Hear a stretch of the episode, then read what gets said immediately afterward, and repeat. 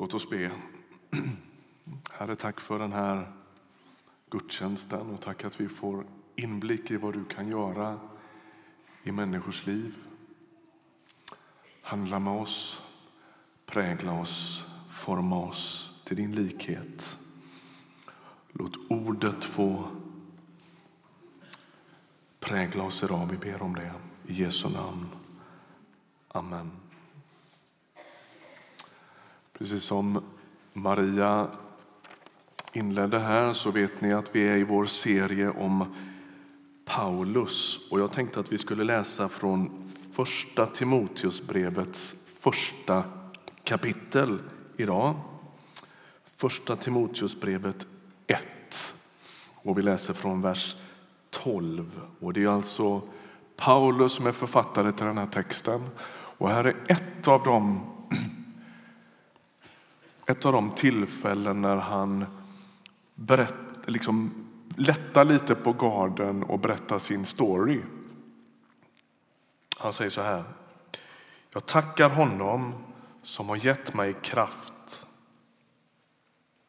Kristus Jesus, vår Herre, för att han fann mig värd förtroende och tog mig i sin tjänst. Mig som förut var en hädare och hänsynslös förföljare.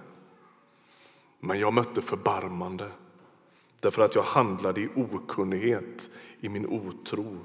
Vår Herres nåd har överflödat med tro och kärlek i Kristus Jesus. Detta är ett ord att lita på och värt att helt ta till sig. Kristus Jesus har ju kommit till världen för att rädda syndare och bland dem är jag den störste. Men jag mötte förbarmande och det för att Kristus Jesus skulle kunna visa allt sitt tålamod på mig som den första urtypen för dem som ska komma till tro på honom och vinna evigt liv. Evighetens konung, oförgänglig, osynlig, den ende guden. Hans är äran och härligheten i evigheters evighet. Amen. Här berättar Paulus, det finns andra utförliga berättelser om hur det där Jesusmötet går till. Men här liksom drar han ihop det i några korta versar och pratar om sig själv som den största av alla syndare. Han pratar om att han har varit en hädare och en hänsynslös förföljare. Hur går det? Ringer det lite i ljudet eller? Ska jag fixa till det här? Är det bra så? Okej, okay, vi provar igen. Annars finns det ju... Du får hojta om det inte funkar. Paulus rasar av modlust. Det beskrivs i Apostlagärningarna 9 hur han sliter ut kristna ur sina hem, han förföljer dem, släpar dem ut ur husen och det är våld och det är otroligt hotfullt.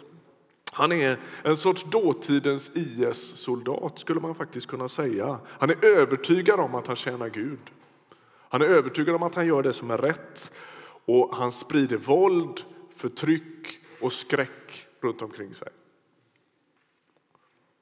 Och så kallar han sig själv för hädare och hänsynslös förföljare. Och så i den här texten kommer de förlösande orden.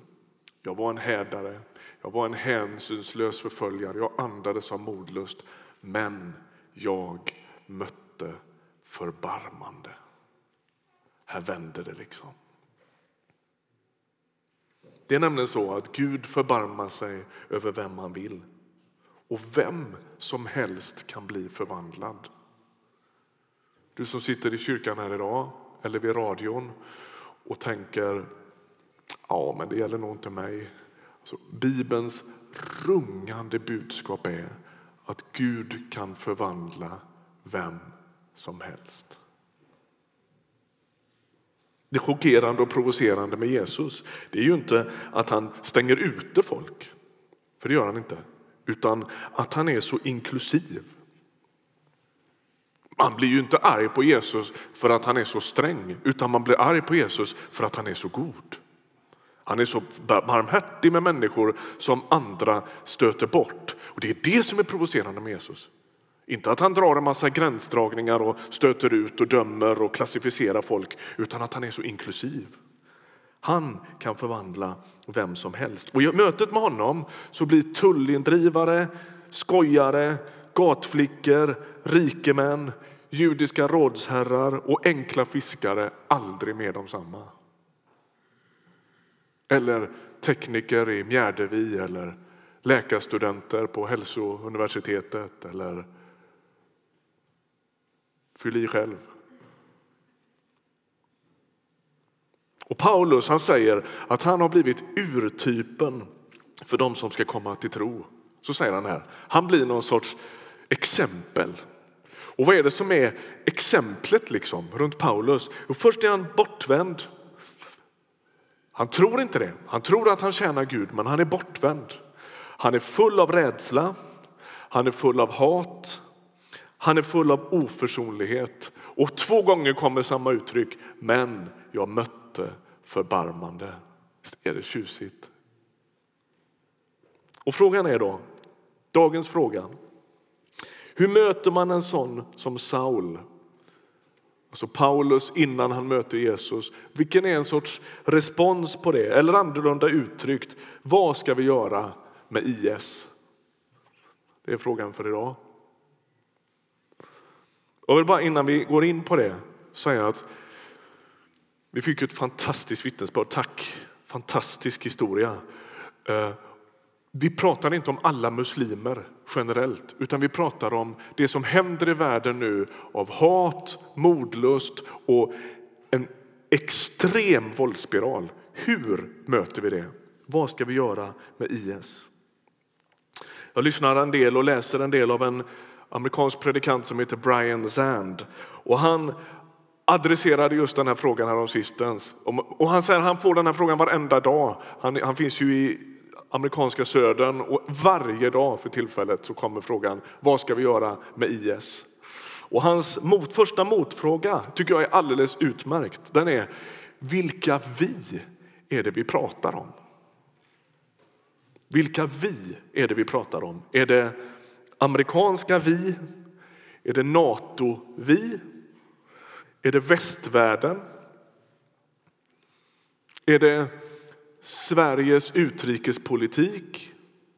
I så fall så skulle jag som predikant inte vilja svara, för det känner jag mig inte kvalificerad att göra. Jag är inte politiker, jag är inte strateg och jag är inte diplomat. Och jag liksom pratar inte in i det i första hand. Men däremot, om vi betyder gemenskapen av Jesus efterföljare, då är det något annat. Då tror jag att jag skulle kunna ha något att säga. Om vi talar om oss som kristna och hur följer man Jesus när IS far fram som de gör. Då tycker jag att vi skulle kunna prata om det i en gudstjänst och det ska vi göra nu. då. Vi, vi, funderar över den här frågan i ljuset av en mycket aktuell händelse. I januari månad reser 21 stycken egyptier, de är koptiska kristna, till Libyen för att arbeta. De är fattiga, lever under väldigt enkla förhållanden. De åker dit för att de ska få någon sorts kroppsarbete i Libyen. De blir tillfångatagna. Alltså, först bara, koptiska kristna, det är en av de allra, kanske den allra äldsta kristna kyrkan som finns i hela världen. Från första århundradet ungefär. Ehm, och de blir tillfångatagna av IS-soldater. De hålls fångna i 45 dagar och så småningom så halshuggs alla 21 personerna på stranden i Libyen av IS. Och det våld som vi ser i Irak och i Libyen, i Syrien och där IS drar fram det är ju av sällan skådat slag måste man säga. Och man måste nog kalla saker vid sitt rätta namn. Det här är demoniskt och det är ett djävulskt mörker. Så är det. Man bränner folk som man har burat in i burar och man korsfäster barn. Det är djävulskt, det är demoniskt. Det är viktigt att kalla saker vid sitt rätta namn. En av IS avsikter är ju att gjuta skräck i världen. Och därför videofilmade man den här avrättningen av 21 kristna egyptier. Och I den här videon så kommenterar IS själva vad det är som händer. Och så textar man den här videon på arabiska och på engelska. Vi kan ta fram den första bilden. Här är bilden på IS-soldaterna svart och de koptiska kristna på knä framför och som minuten senare dör på stranden i Libyen. Notera vad det står.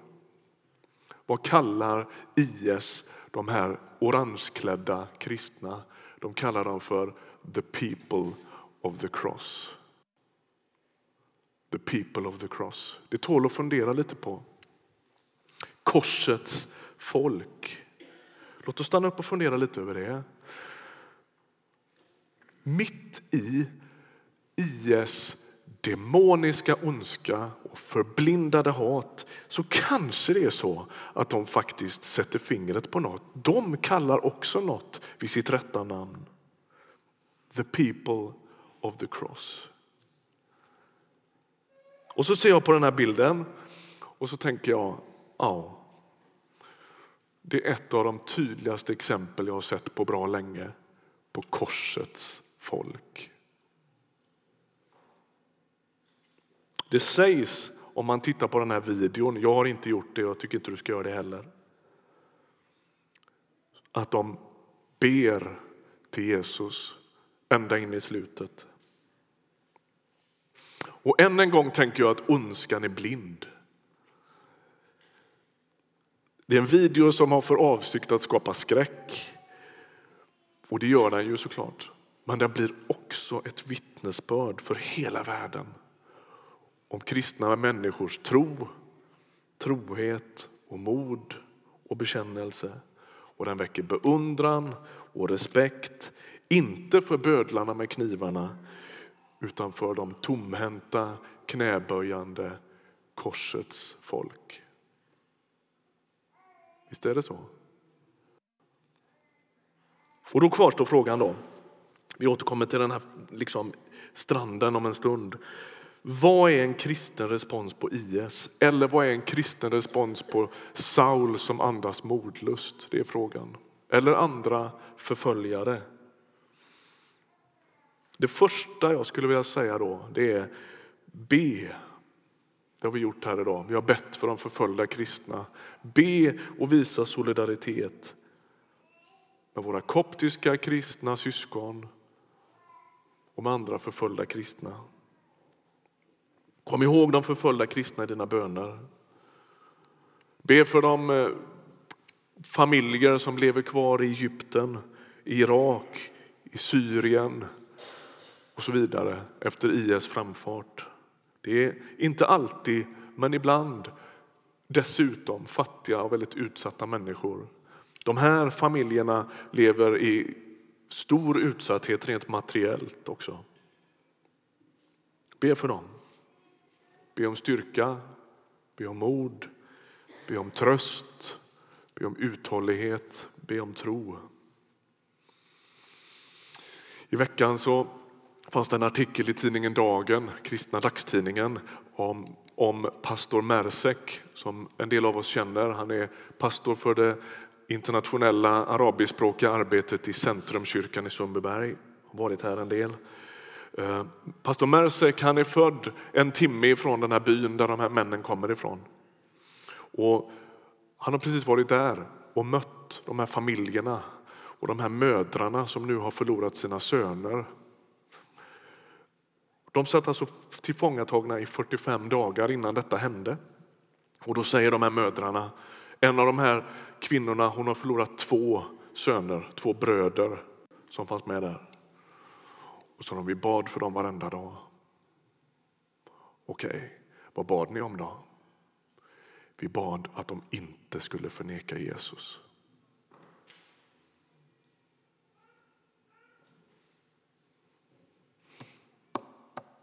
Smaka lite på det.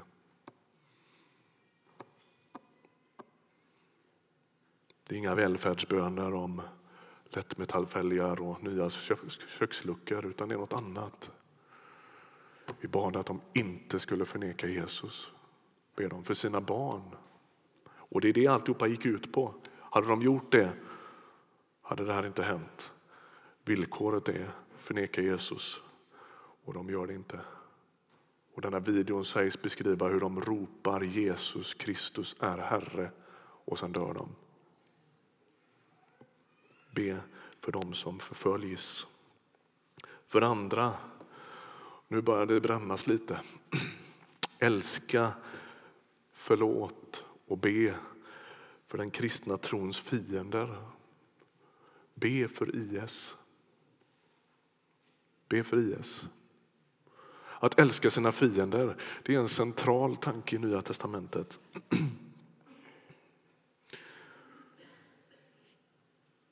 Jesus undervisar om det i bergspredikan och han verkar mena det. Ibland har man ah, läst bergspredikan som att det där, men det där är inget och, och det går ändå inte att leva efter det. Ibland har den kristna kyrkan, inte minst i vår protestantiska tradition, har beskrivit eh, bergspredikan som att det är bara en sorts ouppnåelig ribba. Den ska bara upplysa oss om att vi inte, om att vi inte kan. Det verkar inte vara Jesu avsikt utan han inbjuder oss till ett nytt sätt att leva, ett Gudsrikes liv där, där, där, där allt det här blir liksom centrala beståndsdelar i Jesus, i Jesus efterföljelsen.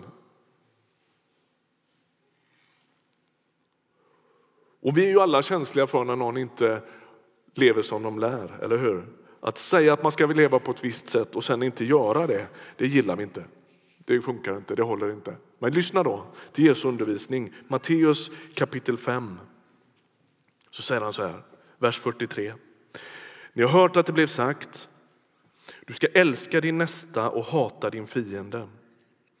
Men jag säger er, älska era fiender och ber för dem som förföljer er.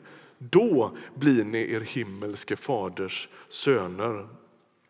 Att förlåta och att älska sina fiender, det är inget perifert.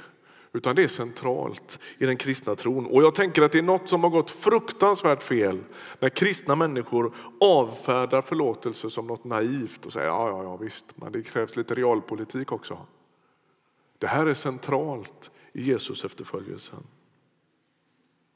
Jag refererade till Brian Zand innan, en amerikansk predikant. Han, han har gjort ett experiment, du kan ju prova att göra det här. Han hävdar att det här funkar, i alla fall i USA. Om du frågar dina kristna vänner, nu funkar det inte på de som är här, du får ta några andra. Om du frågar några kristna vänner, vad är det centrala i Jesu undervisning? Så kan de hålla på ganska länge, berätta om allt möjligt. Och det och det och sen säger han det och han säger det. Men det är slående hur ofta västerländska kristna glömmer att nämna älska dina fiender.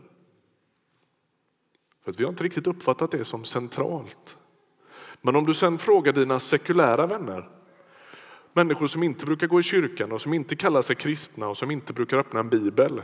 Vad är, har du någon koll på det där med Jesus? Vad är, vad är det centrala i Jesu undervisning? Så det är ganska slående att i deras värld så brukar de ofta ganska snabbt säga älska dina fiender. Intressant, eller hur? Varför är det så? Men det är som att vi har styrt ut de här otroligt närgångna, trängande inslagen i Jesu undervisning. För vi vet inte riktigt vad vi ska göra med dem. De trängdes ut tidigt kan man säga. De 300 första åren i den kristna kyrkans historia så, så var de här texterna väldigt centrala. Om du läser gamla, gamla kristna ledare från hundratalet och knappt en liten bit in i 300-talet, då, då är de här texterna oerhört centrala. Älska dina fiender, be för dem som förföljer dig, förlåt människor som gör dig illa. Och sen händer det något. Och så gifter sig den kristna kyrkan med det romerska riket och så blir det romerska riket en sorts, krist, sorts kristen variant på ett imperium. Och då tonar man omedelbart ner detta. Därför att det går inte att bygga imperium på att älska sina fiender. Det måste man ta bort. Och så slutar man att säga det.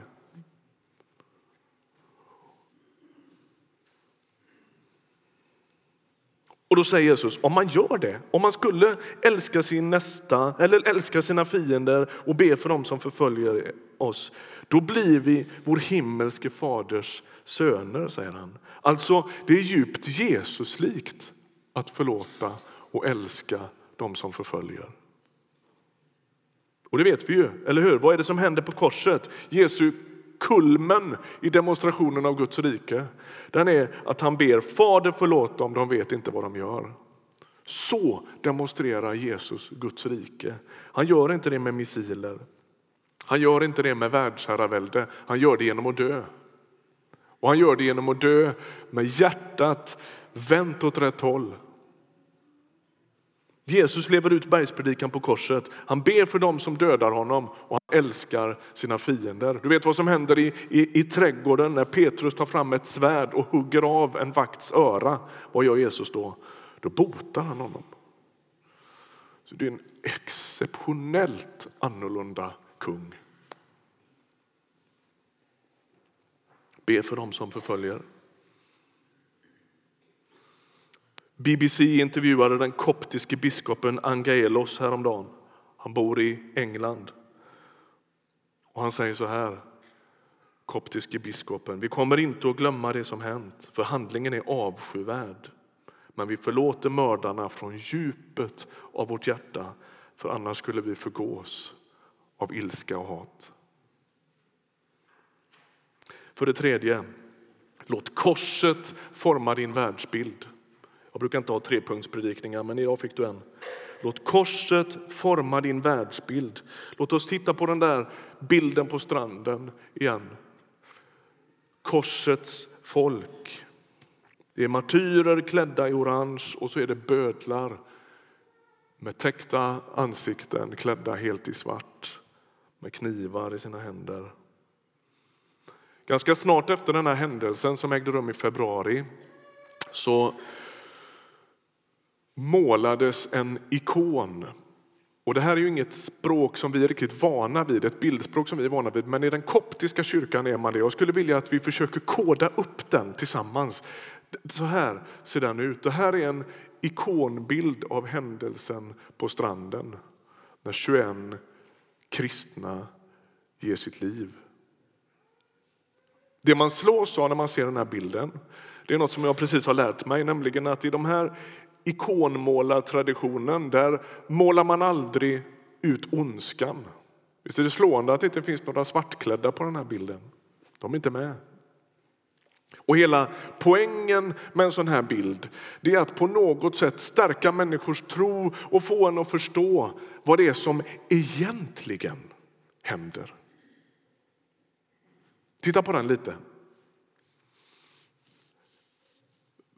Havet färgas av blod. De är där på stranden och de dör där. På väg ner från himlen är 21 kronor. Och så är det två änglar och framför allt så är Jesus där. Men det är inga IS-soldater och det finns inga knivar. Det är händelsen så som den ägde rum från ett annat perspektiv.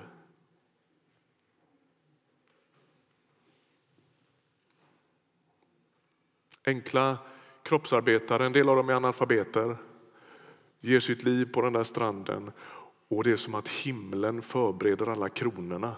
Lite som en medaljceremoni på VM i Falun, fast här finns det inga norrmän med på den här bilden. Och så kommer de fram med de där renputsade kronorna och så sätter änglarna kronorna på de här martyrernas huvuden. Därför att det är det som egentligen händer. Om man ser på världen genom korset. Följ med mig till Uppenbarelsebokens tolfte kapitel.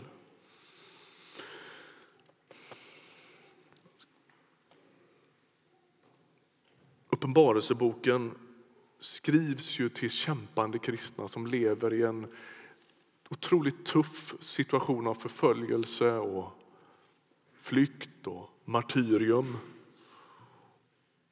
Och vi läser från vers 10 i kapitel 12. Jag hörde en stark röst i himlen säga nu finns frälsningen och kraften och riket hos vår Gud och makten hos hans mode. Ty våra bröders anklagare har störtats ner. Anklagare, det heter Satan på hebreiska. Han som anklagade dem inför vår Gud både dag och natt.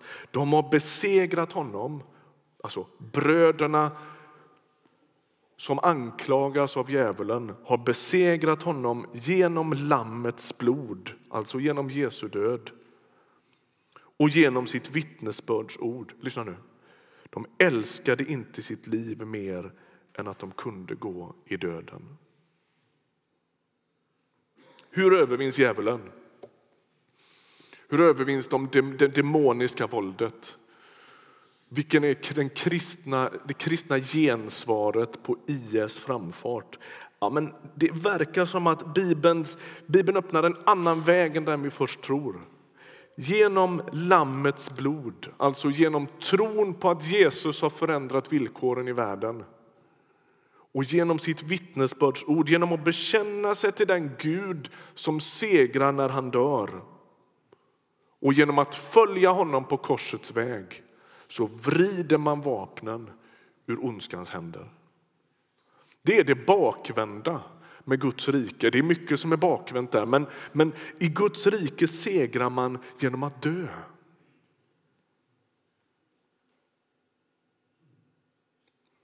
Om vi backar två bilder till bilden med på stranden. Den. Vilka är det som segrar där? Det jag ser är en rad svartklädda, ganska rädda personer. Drivna av hat, av modlust, precis som Paulus beskriver sitt eget liv. Hädare och hänsynslös förföljare. De är vilsna, de är fångna, de är rädda. Vilka är de fria människorna på den bilden? Det är de som vägrar sluta bekänna Jesus. Det är de fria människorna, det är det bakvända. Hur, hur övervinns djävulen? Jo, genom att man går korsets väg. Paradoxen är att det som händer på stranden i Libyen övervinner ondskan. Gud vrider vapnen ur djävulens händer och det sker när Jesus ger sitt liv. Och det, han övervinner världen genom att dö. Han övervinner ondskan genom att dö. Han, han vänder hela spelplanen rätt genom att gå åt fel håll. Är du med? Och det, här är, det här måste vi förstå. Vi måste förstå våra liv utifrån korsets verklighet. Att det hänger ett kors här, det är ingen vacker utsmyckning. Att ta sitt kors på och följa Jesus varje dag, det är att säga jag lägger mitt liv i dina händer. Den yttersta konsekvensen av att, att, att låta döpa sig, det är det.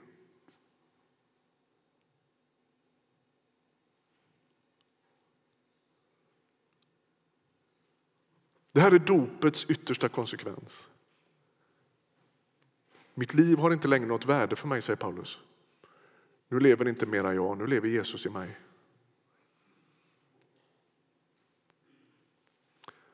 Och när, när, när den demoniska ondskan breder ut sig på det här sättet, som den gör, och det, ni hör vad jag säger, den ska inte bagatelliseras, den är på riktigt och det är förfärligt. Men frågan är inte det, utan frågan är hur följer man Jesus då? Det gör man baklänges. Det gör man genom att be för dem som förföljer, genom att förlåta IS, genom att älska dem in i himlen. Vad är det som händer när Paulus kommer till tro? Vi, Johannes predikade om det här om söndagen. Ananias som själv är offer, han går hem till Paulus där han sitter och ber för honom så att han ska få sin syn tillbaka. Sen döper han honom. Det är radikalt bakvänt. Han kallar inte på hämnd, han misstänkliggör inte, han klassar inte ut honom, han älskar honom in i himlen. Mottagarna av Uppenbarelseboken de lever i ett annat demoniskt rike. Romarriket modell år 90 ungefär slaktar och förföljer kristna. De bränner kristna på bål. De doppar kristna i olja och tänder eld på dem. Det är den verklighet Uppenbarelsebokens mottagare lever i.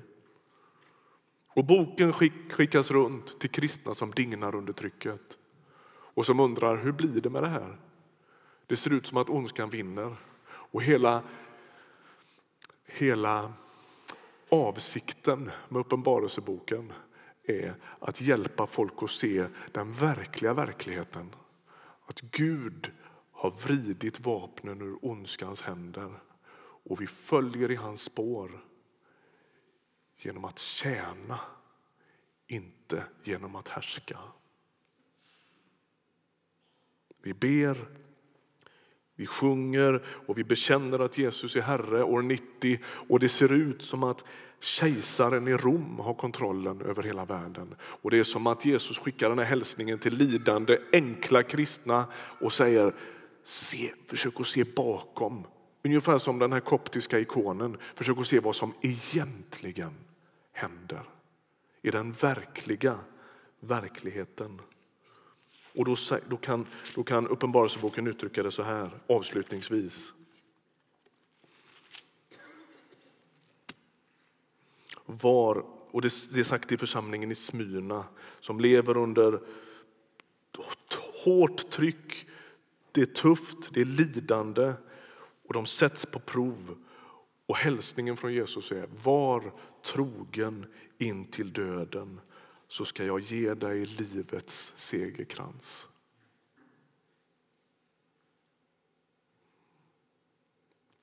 Jag är medveten om att dagens predikan inte är så där liksom superenkel att applicera på tisdag förmiddag på kontoret. Jag fattar det. Men jag tror att det är viktigt för oss att tänka kristet. Att förstå våra egna liv, ondskan, Guds rike och hela världen utifrån korset. För det är det filter, det är den enskilda händelse genom vilken en kristen världsbild formas.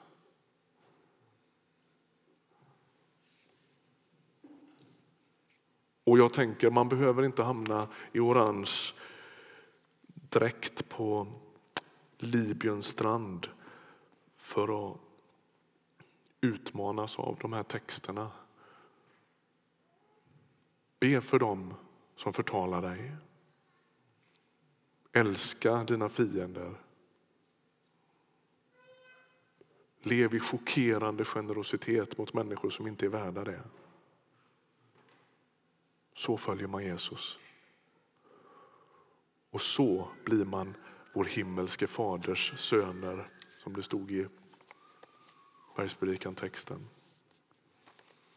Jesus kallar till efterföljelse och att vara en kristen det är att ta upp sitt kors och att följa honom och säga nu äger inte jag, jag, jag, jag säger upp äganderätten till mitt liv. Nu äger du mig Jesus. Låt oss be. Jesus, vi, vi vill följa dig. Du är hela världens Herre. Alla vet inte det och alla tror inte det, men vi bekänner att så är det.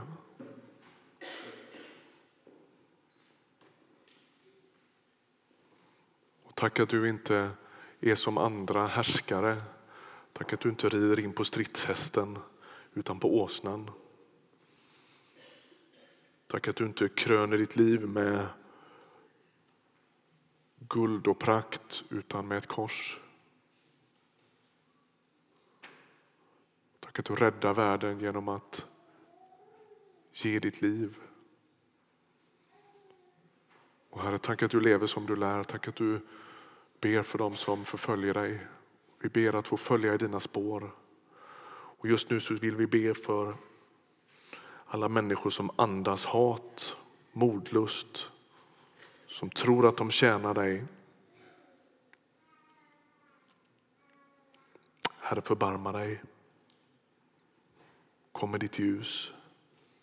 Kom med din frid. Herre, vi vill tro att du kan förvandla vem som helst. Tack att du hör bön. Amen. Amen.